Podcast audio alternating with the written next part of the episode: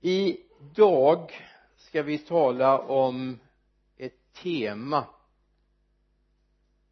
Jag skulle vilja att du tar till dig det här. En växande kristen. En växande kristen. Det vore egentligen väldigt tråkigt om du skulle kunna konstatera att när du blev frälst för 10, 15, 20 år sedan eller om det är par månader sedan bara att jag är likadan idag som jag var då. Okej okay, det hände någonting den dagen men i stort sett så är jag samma person. Då är du att beklaga. För det har inte hänt någonting. Jag ska läsa ett par bibeltexter och så ska vi titta på det här lite grann. Första Petrusbrevets andra kapitel verserna 4 och 5 två versar som jag återkommer väldigt ofta till nu. Kom till honom den levande stenen som visserligen är förkastad av människor men är utvald och dyrbar inför Gud. Det är väl lika bra att vi förklarar på en gång att den levande stenen det är Jesus Kristus. Och låt er själva som levande stenar byggas upp till ett andligt hus ett heligt prästerskap som ska frambära andliga offer som Gud tack vare Jesus Kristus tar emot med glädje. Vi går till Fesebrevets fjärde kapitel vers 14 till och med vers 16 Efesierbrevet 4, 14 till 16 vi ska då inte längre vara barn som kastas hit och dit av vågorna och som förs bort, förs bort av varje vindkast i läran när människor bedriver sitt falska spel och i sin list förleder till villfarelse. Vi ska istället i kärlek hålla fast vid sanningen och i allt växa upp till honom som är huvudet nämligen Kristus. Från honom får hela kroppen sin tillväxt. Så byggs kroppen upp i kärlek och den fogas samman och hålls ihop genom det stöd som varje led ger. Allt efter den kraft som är utmätt åt varje särskild del.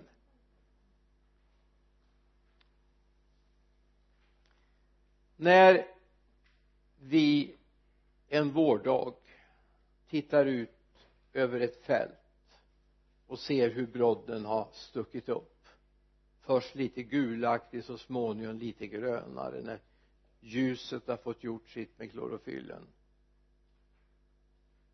Och så tycker vi ja nu är det sommar snart. Nu är det något fantastiskt framöver. Och så går det en tid och så säger vi att vi kommer att titta på samma fält efter tre veckor och det har inte hänt någonting då förbyts den glädje över samma sak som vi såg några veckor innan. Till en smärta har det inte hänt någonting. Står det fullständigt still ska det inte bli någonting av det som är sått. Vi förutsätter att växande finns inbyggt i allt levande. Det finns där. Eller låt mig få ta en annan bild.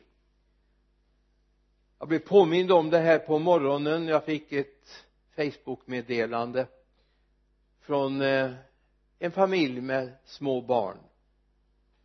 Och så tänkte jag på här i sommar när jag stod och tittade ner i den där barnvagnen och bara njöt.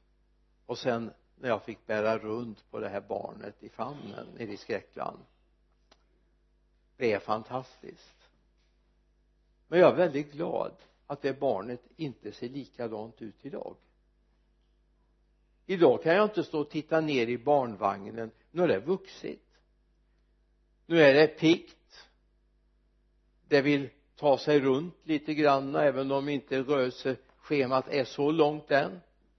Men efter ett tag så kommer stora syster och lille eller storebror att ha en lekkamrat. Men tänk om jag efter en månad, två månader, tre månader ska konstatera det är ett lika litet barn lika oförmöget som det bara var när det var nyfött. Det har inte hänt någonting. Då skulle deras denna, detta barns föräldrar känna smärta. Vad är det för något fel? Det man gladdes över för några veckor sedan blir helt plötsligt samma sak några veckor senare och det inte hänt någonting. Blir en smärta och en sorg istället. Det står till och med om Jesus i Lukas 2.52 och Jesus växte till i vishet och ålder och välbehag inför Gud och människor till och med han står det om. Och får jag ta med ett exempel ifrån gamla testamentet ifrån första Samuelsbokens andra kapitel vers 26 så står det om pojken Samuel. Han som egentligen inte skulle blivit född men Gud grep in och han blev till. Han blev överlåten till Gud och han fick tjäna i templet. Så står det om pojken Samuel växte och blev stor och blev till glädje för både Herren och människor. Titta på det lilla barnet som växer till. Är det så att det blir till glädje för både Gud och människor? Finns det någonting hos Gud så han gläder sig över varje barn som växer? Eller är det bara föräldrarna som fröjdar sig och de närstående? När jag får förmånen att ha ett litet barn i min famn alltså barn luktar ju fantastiskt gott va? Är otroligt goda att ha. Man, man kan ju gå hur länge som helst med ett litet barn så tänker jag ser en del av dem som är här som man vet man har gått och burit på. Nu kan jag avslöja en hemlighet. När jag får ett barn i famnen så ber jag för det i mitt hjärta. Det finns där i mitt hjärta och jag ber och jag ropar till Gud om nåd och förbarmande och tillväxt mognad och en framtid full av Guds välsignelse och hopp. Och så har jag gått och burit på många av er som är här. Ja inte ni som är vuxna nu men ni som är barn har jag haft förmånen att gå och bära på en del av er. Så då vet ni vilken risk det är att låta mig få ta hand om ett barn.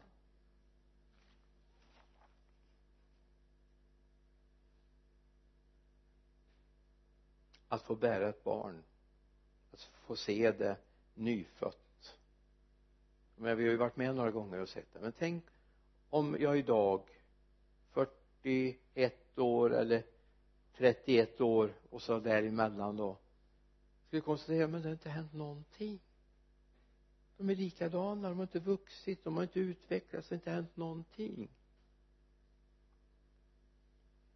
Mötte en förälder häromdagen som var bekymrad för sitt tonårsbarn eller ungdom kanske man ska säga då. Jättebekymrad. Och jag sa jag vet det finns ett större bekymmer. Ett jättestort bekymmer som du slapp. Och då lyser de upp. Du slapp att barnet fortfarande är kvar i en månadsstadiet jag vet föräldrar som får drabbas av det. Kanske inte en månad men några år så stannar det. Och det är jobbigt. De här barnen som vi har förhoppningar redan när, när föräldrarna bär barnet så lever man förhoppningar. Måtte det gå väl för våra barn. Måtte det få växa upp och bli till välsignelse och glädje. För växande är ju naturligt. Ibland kan vi tycka att barnen växer alldeles för mycket eller alldeles för lite. Men var glad för att det växer att det utvecklas och att det händer någonting. Och så får vi följa med i växandet och formandet. Men det finns en sak som är märklig. Jättemärklig. Den smärta vi kan känna över ett litet barn till och med över en sädesåker en rabatt eller en gräsmatta där det inte har hänt någonting så kan vi bli väldigt bekymrade. Men det finns ett område där liksom den här lagen på något sätt inte har slagit in. Och det är det andliga livets lag. Där är det som att har bara människan blivit frälst så är vi nöjda med det. Han blev ju ändå frälst. Han blev ju ändå ett Guds barn han hör ju ändå Jesus till. Men tänk om vi skulle resonera likadant med en 17-åring som ser ut som en ettåring. Ja men han blev ju ändå född. Var glad för det. Istället för att vända på det och se Gud vill någonting med var och en som tar emot Jesus. Tänk om vi hade samma längtan när vi får föra en människa till tro på Jesus som vi har med ett barn som föds. Gud var med. Låt det bli en mognad en tillväxt och en mognad. Och ibland är det till och med så att vi själva jag vet inte vad det är som händer egentligen i oss vi är nöjda. Jag är ju ändå frälst. Vad då ändå frälst? Gud vill ju någonting mer. Gud vill ju att du ska komma till en mognad. Du ska komma ur barnstadiet och få en mogenhet och en ansvarstagande och en respekt för att nya ska komma och följa i dina spår. Nya som du får föra till tro som du får vara exempel för. Paulus säger när han skriver i det som vi kallar för kärlekens lov första Korinthierbrevet 13 så finns det en vers. Du ska komma ihåg det här kärlekens lov är egentligen ett så misshanterat sammanhang. Vi använder det nästan uteslutande. I de flesta fall så läses det i samband med en vigsel. Om du tål en, en, en sanning så har det egentligen ingenting med den mänskliga kärleken att göra här utan det är kärleken från församlingen till sin Gud och från Gud till sin församling. Kärlekens lov handlar om relationen Gud och församling. Gud och dig. Sen är det ju bra att det finns kärlek även i den mänskliga relationen naturligtvis. Det står så här. När jag var barn talade jag som ett barn. Tänkte jag som ett barn. Där själva jag. Och förstod jag som ett barn men sedan jag blivit man har jag lagt bort det barnsliga. När jag var barn talade jag som ett barn. Tänkte jag som ett barn och förstod jag som ett barn. Men sedan jag blivit man har jag lagt bort det barnsliga.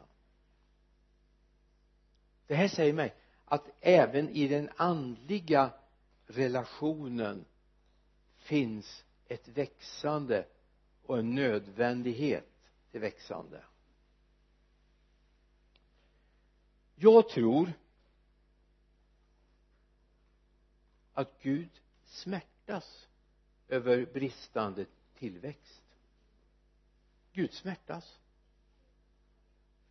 Gud har gett oss liv som ska växa och utvecklas. Det är inte en prestation vi ska genomföra men det kommer vi till om en stund utan det handlar om att Gud faktiskt lagt ner ett liv i oss. Inte bara fysiskt utan ett andligt liv som han vill se växa, utvecklas och bli någonting. En bild. Inte förstå bilden nu då. Inte vill Gud titta ner i vagnen eller spjälsängen eller vaggan och konstatera efter 50 år som kristen ja han eller hon är ju ändå född. Det är ju underbart i, sig, i och för sig. Men han vill se medarbetare. Människor som har vuxit upp, mognat förstått vad rättfärdighet är. Som har förstått att skilja mellan ont och gott. Som har förstått vilken väg man har att vandra och vart vi är på väg det vill Gud. Och jag hoppas att det är det vi vill också. I andra korinterbrevets femte kapitel vers 14 och några versar framöver läser vi. Andra korinterbrevet 5, 14 ty Kristi kärlek driver oss eftersom vi är övertygade om att en har dött all, i alla ställe och därför har alla dött och han dog för alla för att de som lever inte längre ska leva för sig själva utan för honom som har dött och uppstått för dem. Därför känner vi inte längre någon på ett ytligt sätt. Även om vi lär känna Kristus på ett ytligt sätt känner vi honom inte längre så. Alltså om någon är i Kristus är han en ny skapelse. Det gamla är förbi se det nya har kommit allt kommer från Gud som har försonat oss med sig själv genom Kristus och gett oss försoningens tjänst. Alltså han har talat om för oss om vi bara kunde registrera Gud tidigare med hjärnan så är det inte så vi ska registrera Gud längre. Vi ska registrera honom utifrån det nya livet här inne. Om inte det nya livet i Kristus har börjat växa i dig så kommer du inte förstå vem Gud är. Det är inte din hjärna som ska utvecklas utan ditt hjärta. Det är livet som Gud har lagt ner här. Problemet är att vi kan ibland förstå Gud med hjärnan. Men vi förstår inte Gud med hjärtat. Och det som hör till det här det säger han att det har han korsfäst. Det har han korsfäst. För att syndakroppen ska göras om intet. Men det som är här det vill han ska utvecklas. Det gamla är förbi. Och sen då säger en del så här ja men vi ska väl inte vara helt hjärndöda? Nej du ska inte vara hjärndöd. Och du ska inte vara hjärtdöd heller utan Gud vill rensa det här här uppe för att fylla det med sin kunskap om sig. Om varifrån vi kommer, vart vi är på väg, vad Gud vill med våra liv. Och faktum är att till och med boklig kunskap kan öka när jag lär känna Gud. Det finns mer än ett vittnesbörd om det. Att den bokliga kunskapen, förmågan att förstå sätta samman svåra saker blir lättare om hjärtat är uppfyllt av Gud. För han är all kunskaps upphov. Det som är värt att veta. Han vet om det. Om du försöker läsa in fysikens lagar så är han väldigt bra på att, att förstå det. För det är faktiskt han som har skapat fysikens lagar. Det är inte ditt verk det är inte människors verk ja men Einstein var väl fantastisk med sina teorier. Men det var inte han som skapade det. Det var Gud. Eller Newton med sina eh, beräkningar om om gravitationens kraft och så vidare. Visst det är fantastiskt. Men det var inte Newton som skapade gravitationskraften hörde jag en lång lång föreläsning igår faktiskt på en kristen kanal om eh, om, om eh, fysikens lagar. Och hade en väldig utläggning och det, det var nog väldigt klyftigt och klokt och så vidare och hur Newton hade uh, upptäckt det här och det var inget fallande äpple det var en annan teori. Något som träffade honom i skallen när han satt under ett äppleträd säger de men nu var det nog inte så. Han såg ett äpple falla men då hade han redan teorierna klara. Men jag tänkte så här det här var ju jättebra men det viktiga är att vi lär känna Gud. Han har ju allt det här i sin hand. Så låt Gud få förvandla ditt hjärta. Hebreerbrevets författare skriver i femte kapitlet vers 12 och någon vers framöver. Ty fast ni för länge sedan borde varit lärare behöver ni någon som undervisar igen i de första grunderna av Guds ord. Ni behöver mjölk inte fast föda. Ingen som lever av mjölk är mogen för undervisning om rättfärdighet. Han är ännu ett barn. Den fasta födan är till för vuxna för dem som genom övning har fått sinnet skärpt till att skilja mellan gott och ont. Den som har fått sinnet genom övning tränat så man förstår skärpt så man förstår gott och ont. Eller som Paulus skriver i första Korinthierbrevets tredje kapitel de tre första verserna. Bröder själv kunde jag inte tala till er som till andliga människor utan som till kötsliga människor spädbarn i Kristus. Mjölk gav jag er att dricka fast föda fick ni inte. Den tålde ni ännu inte och det gör ni inte nu heller.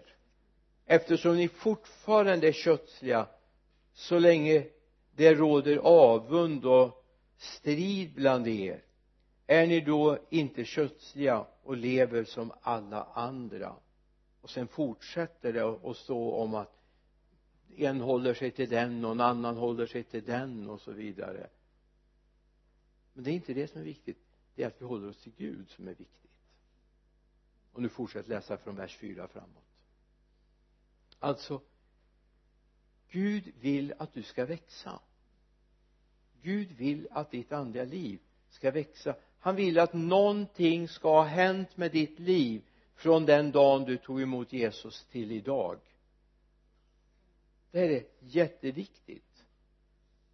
För annars kan inte Gud använda dig. Det är no, han har en oförmåga jag tog upp det här i fredags om när Gud ska lägga sina gåvor andliga gåvor i våra liv. Så måste det finnas en helgelse i våra hjärtan, i våra liv, att våra naturliga gåvor helgas så att han kan lägga sina gåvor. Så var inte förvånad över att du inte går och bär på gåvor. Det beror på att Gud har ännu inte fått helga dig och gjort dig till det han vill. Men den undervisningen får du lyssna på på en cd-skiva. Tyvärr ligger den inte på nätet varje växande har ett mål. Om jag planterar ett äppelträd så är målet att det ska bära äpplen, eller hur? Om jag sår ringblommor så tänker jag inte att det ska komma tussilago utan jag vill att det ska komma ringblommor, eller hur? Om eh, jag sår majs eller planterar majs så vill jag ju naturligtvis få skörda majs och jag står ju inte där och blir förvånad. Oj! Blev det äpplen på det här trädet fast jag vet att det var ett äppelträd jag köpte? Eller oj! Blev det plommon på det här plommonträdet? Vad förvånande. I och för sig vi hade ett träd hemma i vår trädgård som man kunde bli lite förvånad över. För eh, för det första så testade pappa ympkvistar på det här trädet så det hade fyra fem sorters äpplen på samma stam. Det var ju ganska praktiskt egentligen. Man fick ut mycket olika frukt. Men så testade han också att försöka få en päronymp att ta sig på den stammen. Resultatet blev inte så jättefascinerande. Man kunde se att det blev sådana blad och i något fall någon blomma om det hade med ympkvisten att göra eller om det hade med att det inte går att ympa in det, det har jag ingen aning om. Så långt bevandrade jag inte på det här. Men min pappa var aldrig förvånad över det som hände med det här trädet. Därför att det fanns ett mål. Den dagen du blev frälst hade inte du någon aning om egentligen vad Gud ville med ditt liv? Ja jag hade det. Men då hade Gud hållit på och tjatat på mig ett massa år om, om vad mitt liv skulle bli. Och jag försökte på alla vägar komma undan men så kom jag inte undan.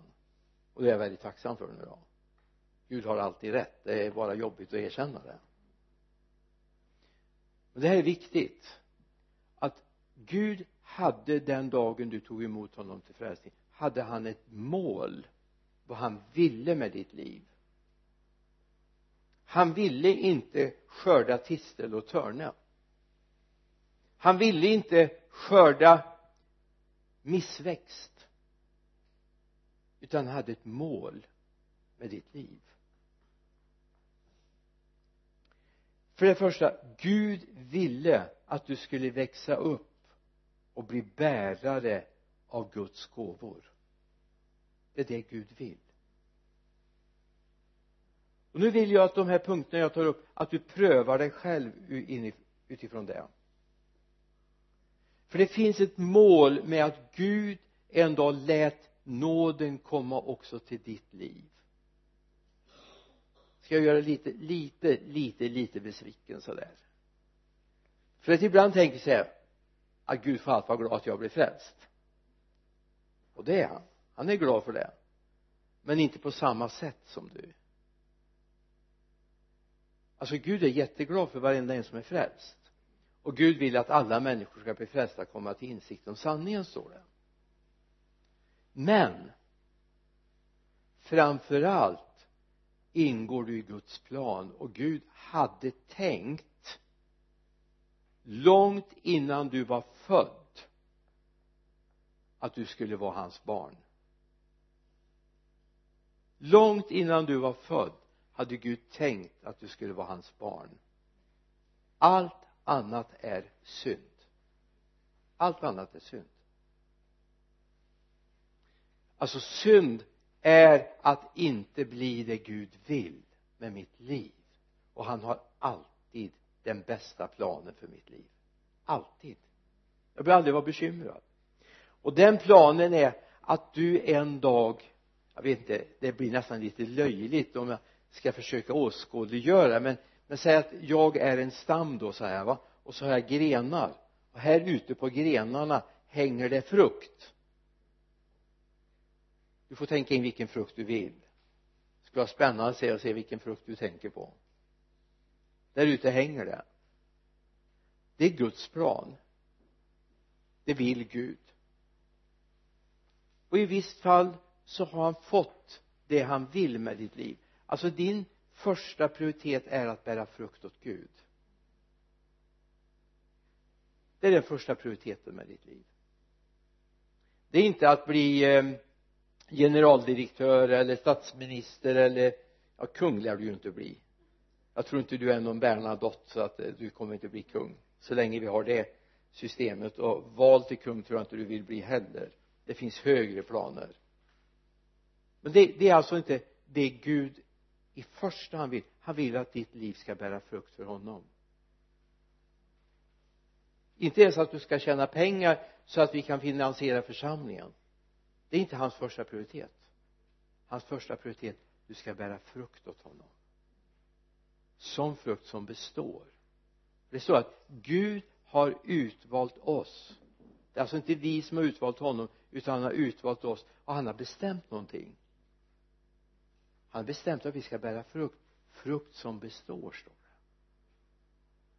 Det står inte han har det är inte vi som utvalt honom utan han har utvalt oss. Och han har bestämt att vi ska bli generaldirektör. Det står inte det. Det står inte ens att du ska bli musiker eller du ska bli pastor utan vi ska bära frukt. Det är nummer ett. Det är det Gud vill med ditt liv. Sen kan det innebära att du är sångare att du är predikant att du är evangelist att du bär andliga nådegåvor och så vidare. Det är det kan Gud också göra men först och främst ska du bära frukt åt honom. I första Petrusbrevet 2 läste vi kom till honom den levande stenen som visserligen är förkastad av människor men är utvald och dyrbar inför Gud. Och låt er själva som levande stenar byggas upp till ett andligt hus ett heligt prästerskap som ska frambära andliga offer som Gud tack vare Jesus Kristus tar emot med glädje. Låt er själva som levande stenar byggas upp. Mm? yes. Är det det du hade som plan idag? Gud jag vill byggas upp så att jag tillsammans med alla mina syskon kan bli ett andligt hus allt annat är ett misslyckande. Men det här är inte en prestation. Det är någonting du tillåter att det nya livet får göra i dig. För det står så här i Filipperbrevet 2.13 ty Gud är den som verkar er både i vilja och gärning för att hans goda vilja skall ske.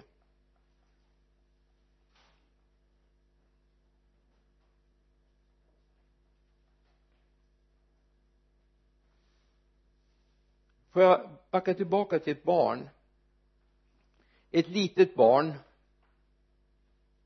kan vara en bit upp lite olika hur vi utvecklas är ofta ganska oförmögna när det gäller motorik.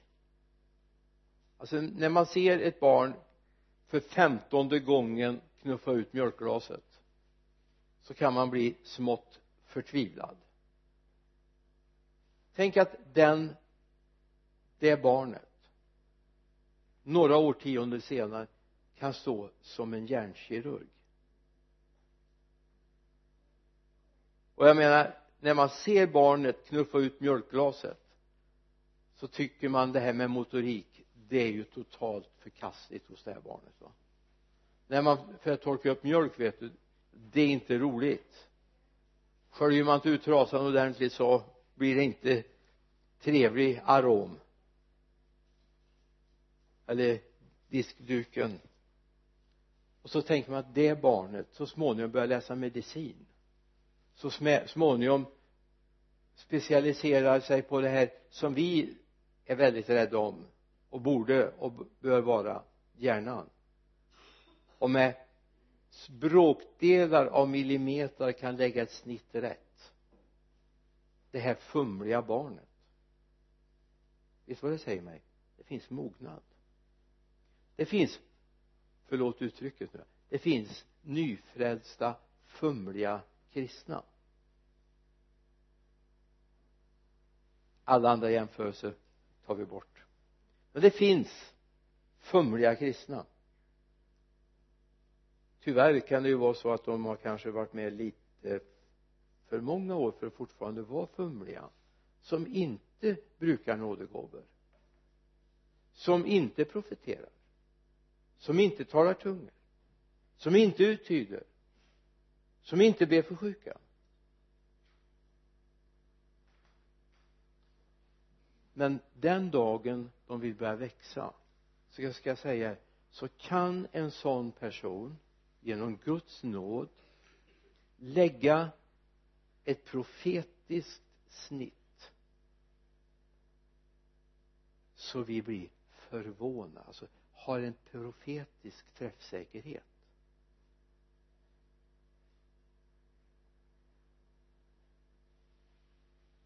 Men det handlar om att växa att mogna och bli en på nytt född kristen där det här kristna livet får börja ta över växandet. Man kan tycka att när de är unga och oförståndiga är allt annat än mogna. Och man känner en bävan vad månde det bli? Ändå om Gud får sitt verk fram så kan Gud använda den här med en profetisk skärpa med en andlig klarsyn så vi häpnar. Man blir förvånad när man möter dessa. Man har varit med de första åren och man tycker och undrar måtte det bli någonting av detta barn? Åh de är, de är jobbiga ibland. Eller hur? Barnen menar jag inte ni. Och man förstår, förstår de ingenting? Behöver vi starta om från början igen med de första grunderna? Och så när det väl klickar till och de börjar förstå att jag ska leva inifrån och inte utifrån. När jag ska leva med det Gud har lagt ner här och jag skalar bort så mycket annat då börjar det komma en profetisk klarsyn. Skulle kunna nämna om en person som jag mött Evert Svensson jag var inte med när han blev frälst. Det blev han ute i Sunnerby här utanför Lidköping. Där blev han frälst. En drinkare som hade jättejobbigt. Han var i mogen ålder. Frun och barnen var rädda för honom. Men så kom Gud där och han tog emot Jesus till frälsning. Och från början var han så väldigt glad i Gud så att det vart nästan lite fyrkantigt ibland. Det fanns ingen liksom han, han hade ingen urskiljning när han skulle göra vad. Och folk nästan oj nu är Evert igång igen. Nu får jag mycket att förklara. Oj oj oj. Liksom ingen känslighet. Alltså människor kunde komma och de var precis hade nyss fått sorg och det var jättejobbigt. Så kunde han ställa frågan gick han till himlen eller helvetet? Finkänslighet. Och så kom växandet in i hans liv. Det fanns en syster i den församlingen. Det har jag fått reda på långt långt efteråt nu genom Stina Svensson som eh, känner den här Stina Svensson vet en del av vem hon är. Hon har berättat om Everts första år i tron en mogen kvinna i 94 år eller vad hon är nu. Hon eh, berättade det fanns en kvinna i församlingen som tog Evert som sitt bönämne och såg potentialen i hans andliga liv. Sen lärde jag känna honom i min uppväxt. Och hans fru och han det, det var alltså det mest starka profetiska jag mött alltså frun hade man varit ute och ställt till någonting på, på natten vilket ju hände ibland så vill man helst inte möta hennes blick. Man nästan gick så här in i kyrkan. Det var jättejobbigt. Men han var ännu värre. För han kunde ställa sig upp och börja profetera och avslöja precis vad man har varit med om. Men det fanns en sån värme och sån kärlek som man kände Gud jag måste göra upp min sak med dig. Sen var det många gånger man beslutade det men det blev inte alltid så. Alltså om växandet får komma igång så kan vi bli de där som skär profetiskt de där allra allra mest vad ska jag säga viktiga och, och precisa profetiska tilltalen till människor. Då är vi inte framfusiga utan då har vi en en perfekt timing och fyllda av Guds kärlek. Det är sådana Gud vill ha om vi börjar växa.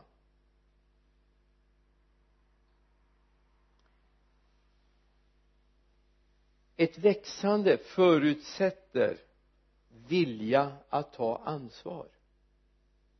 Vet du vilket som är de jobbigaste medlemmarna? Hoppas inte jag trampar på någons tå nu. Men det är om man ber någon göra någonting i Guds rike. Nu, nu behöver vi faktiskt eh, ja fixa fasaden eller måla dopgraven eller knäskura taket eller någonting i den stilen va? de där enklare uppdragen och så säger man till någon så här du skulle du kunna komma på onsdag och hjälpa till med det här? Och då säger man så här ja det gör jag gärna om jag bara är där. Jag läser gärna bibelord på söndag i gudstjänsten. Om jag kommer så ska jag göra det. Det är de jobbigaste som finns. Ditt tal ska vara ja om det är ja och nej om det är nej allt därutöver är av ondo säger Guds ord. Och ska du läsa till som det står i den grekiska allt det andra är av den onde. Va nu har jag avslöjat en hemlighet. Jag ställer gärna upp om jag är där. Men de har ju inte ställt upp. Eller hur? De mogne kristne han säger så här. Mig kan du lita på, jag kommer. Jag ställer upp. Och gör man inte det så har man en tydlig förklaring varför man inte kommer. Varför man inte har möjlighet. Man ska jobba eller vad det nu kan vara. Eller mosters mosters fasters någonting är sjuk och då måste man ju dit. Självklart.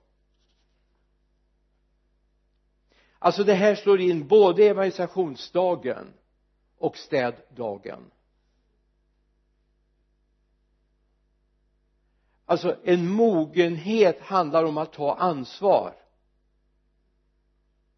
Och vill du bli lycklig i din tro då säger du jag ställer upp. För då kommer det som finns här inne att växa ytterligare ett stycke till mognad och du kommer lära dig lära känna på ett nytt sätt dina syskon. På ett nytt sätt. Så um, hoppas jag inte trampar på för många ömma tår. Ta inte av er skorna och gör som Chrusjtjov gjorde. Börja bunka i bänken framför sig på, i FN han påmindes om det här om dagen nu. Det var en årsdag det. Det är fantastiskt vad man kan fira årsdagar av för någonting det var 37 och ett halvt år eller något sånt där. Jag, jag har ingen aning. Alltså mogenhet är jag ställer upp. Jag är en del av.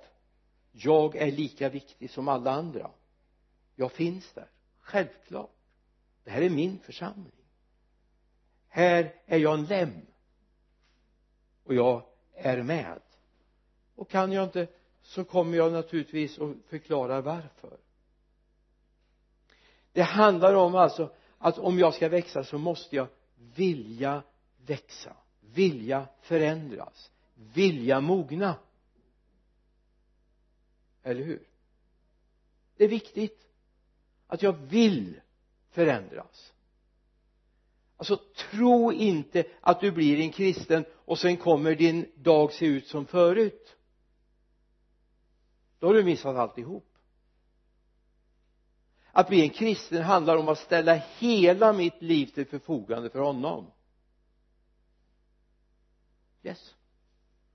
Det finns för många som tänker så här att vara kristen det är att hänga på mig en, en, en medaljong till där det står jag är kristen. Och jag är och jag är står det på allt möjligt va? Men så är jag kristen också hänger man den utanpå då till och med. Att vara kristen det är att byta liv helt och fullt. Om du verkligen vill smaka livet så ska du vara beredd att byta ut allt. Jag gjorde det. Och det är inte bara jag utan det handlar om Kristi kropp. Den är min första prioritet. Alla kategorier. Mitt kristna liv är så oerhört dyrbart jag vet vad jag hade varit om jag inte hade svarat ja på Jesus kallelse. Därför jag är en sån som gör det jag gör 110, gör 110 procent. Hade jag varit i världen så hade jag varit det med 110 procent och ännu mer. Kanske inte ens har levt idag. Och jag är så otroligt tacksam för att jag fick bli frälst. I Efesierbrevets fjärde kapitel vers 12 så här om eh, apostlarna och profeterna och lärarna och evangelisterna så står det så i vers 11 vers 12 så här de skulle utrusta det heliga till att utföra sin tjänst att bygga upp Kristi kropp. Tills vi alla når fram till enheten i tron och i kunskap med Guds son till ett sådant mått av manlig mognad att vi blir helt uppfyllda av Kristus. Och så står det i vers 14 vi ska då inte längre vara barn som kastas hit och dit av vågorna och, som, och som förs bort av varje vindkast i läran när människor bedriver sitt falska spel och i sin list förleder till villfarelse vi ska istället i kärlek hålla fast vid sanningen och i allt växa upp till honom som är huvudet nämligen Kristus. Här har du målet. Och det behövs en hel del förändring i mitt tänk om det ska funka. Vidare säger bibeln att en kristen är inte självupptagen. Filipperbrevet 2 jag ser bara att jag får skynda på lite grann. Jag har bara en timme kvar men det gör väl ingenting va? Kan man inte göra som en sån här konferens, den här fina fredskonferensen där man kan stanna klockan? Och så försöker man lura sig själv. Klockan, det ska vara slut klockan tolv på natten senast. Och då stannar man klockan fem i tolv och så kör man ett par timmar till och sen sätter man igång klockan så passerar den tolv och så har man klarat det här. Det ska inte vara i Lidköping för klockan sex så det här kommer gå bra. Filipperbrevet 2, 1 om ni nu har tröst hos Kristus uppmuntran av hans kärlek och gemenskap i anden. Om medkänsla och barmhärtighet betyder något gör då min glädje fullkomlig att ha samma sinnelag och samma kärlek genom att vara ett i själ och sinne var inte självupptagna och stolta var istället ödmjuka. Sätt andra högre än er själva. Se inte på ert eget bästa utan tänk på andras. Var så till sinne som Kristus Jesus var. Var inte självupptagna och stolta var istället ödmjuka och sätt andra högre än er själva. Det är en del av den kristna mognaden. Alltså när vi har allt för ömma tår och vi känner oss väldigt lätt illa till mods om vi tror att någon har sagt något. Det är inte säkert att någon har sagt något men vi kan ju till och med tro det ibland. Och så känner vi oss väldigt stötta i kanten. Vi har fått jättestora andliga blåmärken. Och det gör så ont. Men Gud har faktiskt gett oss en andlig rustning som vi ska ha. Nu hinner jag inte gå in på det men det finns en andlig rustning som du ska vara iklädd för att du ska klara resan genom livet. Alla kommer inte vara jättevänliga mot dig. Det, det är så. Vi vet om det här. Jag menar vi alla vi testat det här och vet det. Men det handlar inte om att stå tillbaka. Det handlar om istället att ha ödmjukhet. Och det hör till en kristen människas standardutrustning. Och vad mycket enklare livet blir både för dig själv och för dina vänner runt omkring va? Om du har lite mer ödmjukhet inte själv känner dig stolt eller självupptagen. Mitt är alltid viktigare än alla andras. Det är inte säkert att det är. Utifrån ditt perspektiv kanske det är men kanske det till och med är viktigare för dig vad, hur andra har det. Om det stämmer i ditt liv.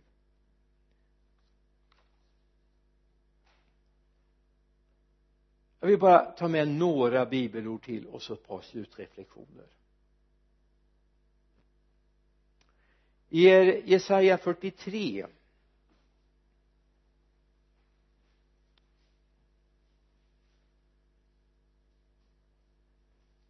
det profeterar Jesaja någonting oerhört viktigt men vers 18 tänk inte på det som har hänt.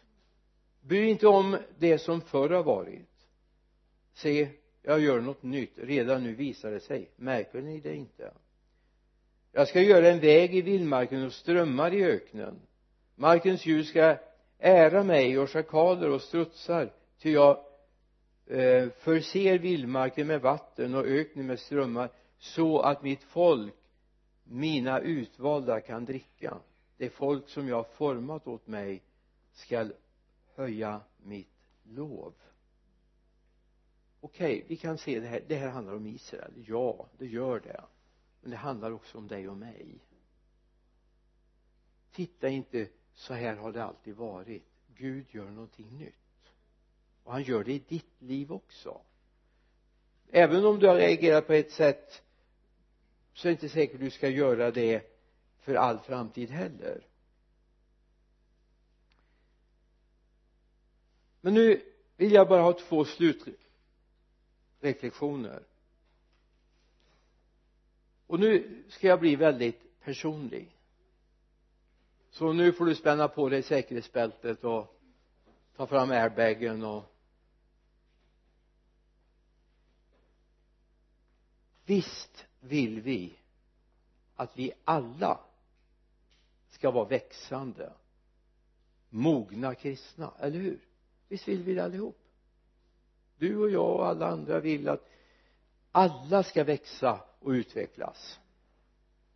Då skulle jag vilja börja och, och tala till dig som är gammelkristen. Mer än två år i tron. Då är du gammelkristen. Kom ihåg du är en förebild. Ser de nya eller unga på ditt liv? Ja det blev ingenting. Så kommer du inte vara en stimulerande förebild för dem. Om inte Kristuslivet här inne har fått börja verka i dig och det börjar hända saker i ditt liv. Du hörs aldrig i bönen du hörs inte i lovsången du vittnar aldrig du läser inte Guds ord inför de andra. Sånt här syns jag säger inte att du aldrig läser Guds ord. Absolut inte. Det förutsätter jag att vi gör. Men det är viktigt att vi är förebilder. Så att människor ser att den heliga ande faktiskt har gjort någonting i ditt liv. Amen. Det här är viktigt. Ta mig till föredöme säger Paulus och då handlar det inte bara att han gav dem lärosatser. Nu ska ni tro så här jag, jag försöker att testa själv men tror ni så så kanske det blir bra. Nej. Hans liv var en förebild. Paulus skriver till sin andlige son Timoteus att han ska vara en förebild. I både ord och gärning just nu känner jag att jag får komprimera mig. Men eh, vill du ha bibelorden kan du få dem av mig sen men han var angelägen att Paulus, att Timoteus skulle vara en förebild. Ja, var inte så förtvivlad över att du är ung. Var du istället en förebild? Att föreläsa skrifterna att undervisa. Du känner ju från barndomen de heliga skrifterna genom din mor och genom din mormor. Du känner dem så var en förebild. Och jag vill säga det till oss som är gammelkristna var förebilder. Vill vi ha en växande församling? Vill vi ha hundra stycken Kristoffer i, i vår gemenskap? Eller jag kan ta vilket namn som helst. Det vore väl underbart. Eller hur? Så handlar det om ditt och mitt liv. Vad vi sysslar med under predikan vad vi sysslar med när andra läser Guds ord om vi har bibeln med oss och så vidare. Vi är förebilder. Vi kommer aldrig kunna leda någon längre än vad vi har kommit själva. Det är till er och mig som har varit med mer än två år på den kristna banan va? Nu vill jag vända mig till dig som inte ingick i den kategorin eller kanske är ung. Alla har vi människor runt omkring oss som ser att vi går till kyrkan som vet om det. Och de förväntar sig någonting mer av ditt liv. De vill inte att ditt liv ska vara en light-version av världens liv jag det finns få som är så radikala. Pratar man med ofrälsta som har frälsta arbetskamrater så har de väldiga synpunkter. Ibland helt orealistiska helt eh, lagiska och det ska vi inte alls förstärka. Men ibland helt realistiska förväntningar.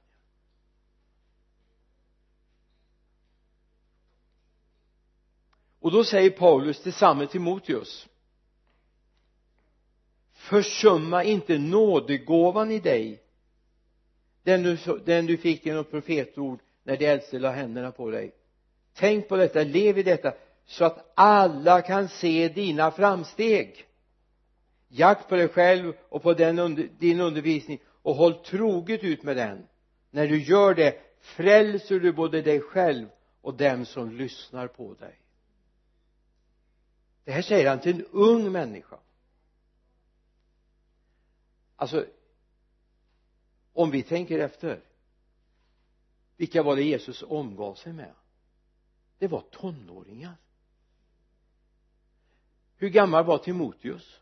Han var en tonåring och honom sattes så småningom efter några år sattes han som föreståndare för den då tidens mest utvecklade och stora församling e- Efesosförsamlingen en tonåring eller precis över tonåringen var förmodligen Timoteus då.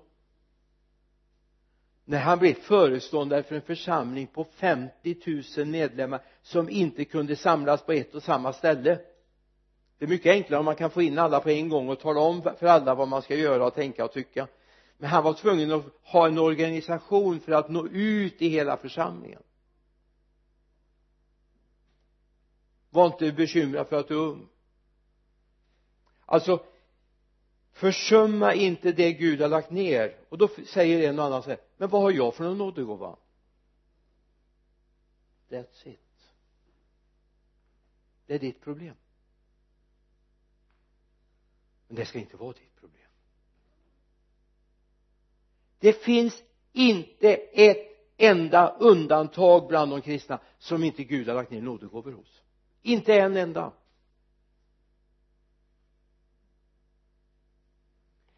Om jag blir frälst som åttaåring eller åttioåring Gud lägger ner nådegåvor. Yes. Min bibel har inte skrivit en enda undantag. Alla har fått nådegåvor men inte de som heter. Eller de som är födda det året. Eller de som bor här eller där. Nej. Alla har fått nådegåvor. Också du. Och är det så att du är bekymrad över det inte har det klart för dig för du ska ha det. Du vill väl inte leva utan standardutrustningen för att du ska kunna fungera som en kristen? Då vill jag be för dig nu för Gud har en längtan att vi ska bli mogna kristna. Att vi ska växa upp. Nu får du lämna alla besvikelser. Jag vet det finns en mängd besvikelser. Jag satsade helhjärtat på Gud en gång i tiden men så blev det inte det det blev. Nej det blev inte det. Men nu tar vi ett nytt tag. Nu är det din möjlighet idag. Det är din möjlighet idag. Därför vi behöver en växande församling en mognande församling. En församling som är beredd att göra Guds gärningar 2013 2014 om Herren låter oss vara kvar och 2015 en församling som är beredd att göra det Gud vill i Vänersborg. Och kan hända nu tar jag ut svängarna lite grann, jag vet det men kan hända att ibland oss som sitter här kommer Gud att välja ut människor. Att tjäna honom på andra orter i andra länder i andra sammanhang. Desto viktigare att Gud får en chans med dig så att du får växa upp och bli en mogen kristen. En mogen kristen. Inte en som bara sitter på bänken och, och är snäll och, och, och det är jättebra att du är snäll har inget emot att du är snäll men en som vill framåt växa till bruka nådegåvor som Gud lägger ner i ditt liv. Och nu står det att Gud faktiskt vill att vi inte ska förneka den nådegåva han har lagt ner i ditt och mitt liv. Det kan hända att det behöver komma ett profetord över dig också idag. Det kanske behöver komma bli en förbönstund också för dig idag. För Gud har en plan för ditt liv den är unik. Jämför dig inte med andra utan se att Gud har någonting unikt för dig.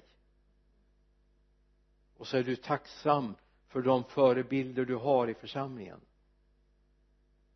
Du är tacksam för dem som du kan se upp till och som kan vara stöd så som jag en gång i tiden fick uppleva av eh, vännen Joel hemma i våran församling Joel Blomqvist.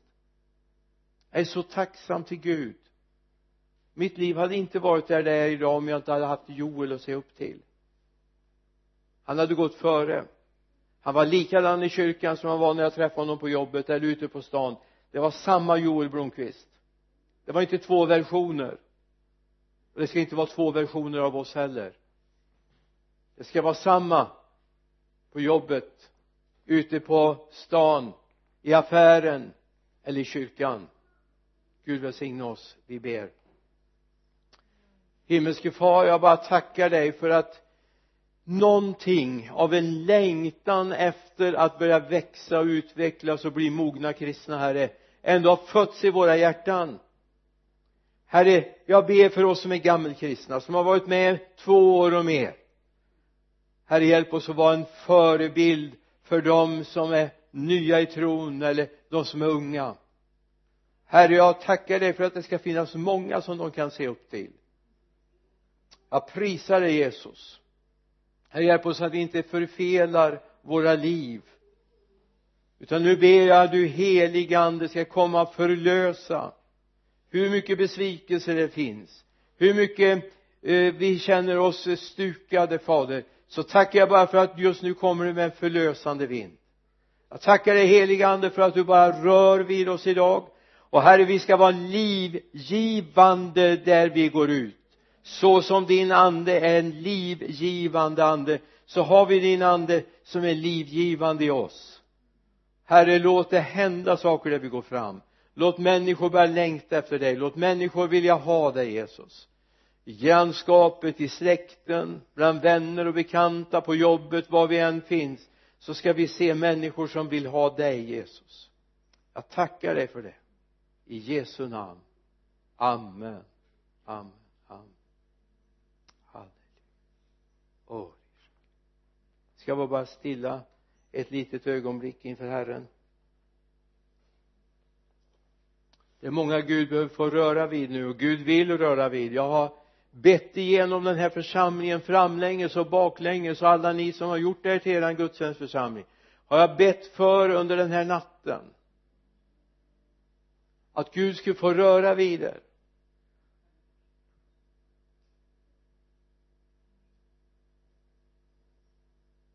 Vi är bara stilla inför Herren. Jag vill att du är ödmjuk inför honom.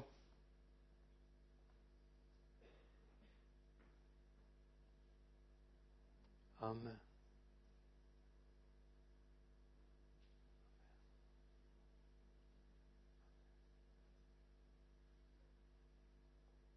Amen. Jag skulle vilja att alla sitter ner nu om det går bra. Även ni som finns ute i kapprummet att ni sitter ner nu.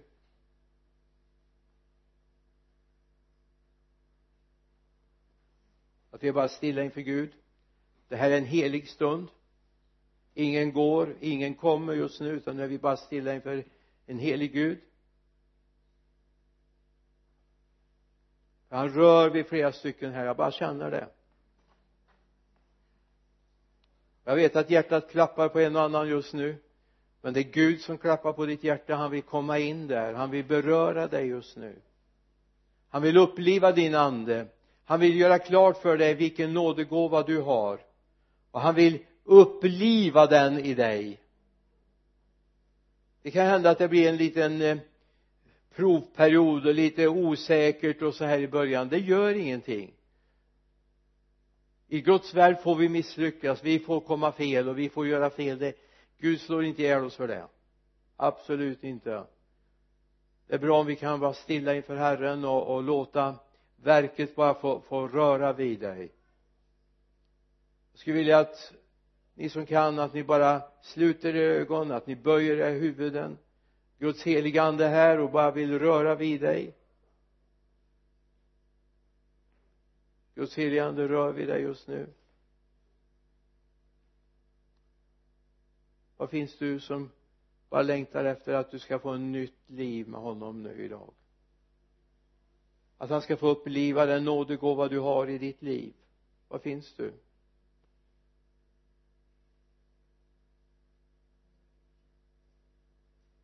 Gud ser händer som räcks. Gud ser händer som räcks. Tacka bara Jesus för att han rör vid dig just nu. Med sin heliga ande. Guds ande rör vid dig.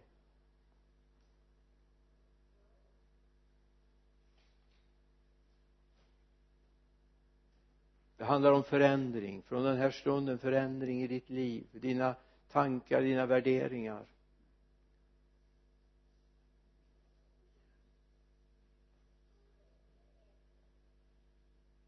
Jesus det är fler här. Jag vet att du brottas just nu.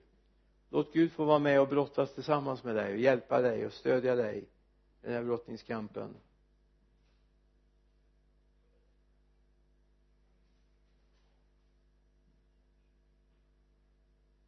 Det är fler som Gud rör vid. Himmelske far jag bara tackar dig för att du rör vid oss just nu. Du ser de som har räckt upp händer men du ser också de som ännu inte har gjort det jag ber helige ande helige ande kom med din kraft berör Jesus. Och låt oss få gå mot ett mognande i den här församlingen fader. Ett ansvarstagande som vi inte har sett maken till tidigare fader. Det vill jag bara se i den här församlingen där du får ha första prioritet i allt. Jag ber om dig i Jesu namn. Herre jag ber för oss som är gammelkristna. Jag ber för dem som är unga de som är på väg nu fader. Herre jag ber att vi ska få en växande gemenskap på många områden. Jag ber om det i Jesu namn. Amen. Amen. Amen. Amen. Be lovsångarna. Ta oss med nu i lovsång. Låt det få bli en stund då vi lovsjunger Gud tillsammans. Upphöjer honom.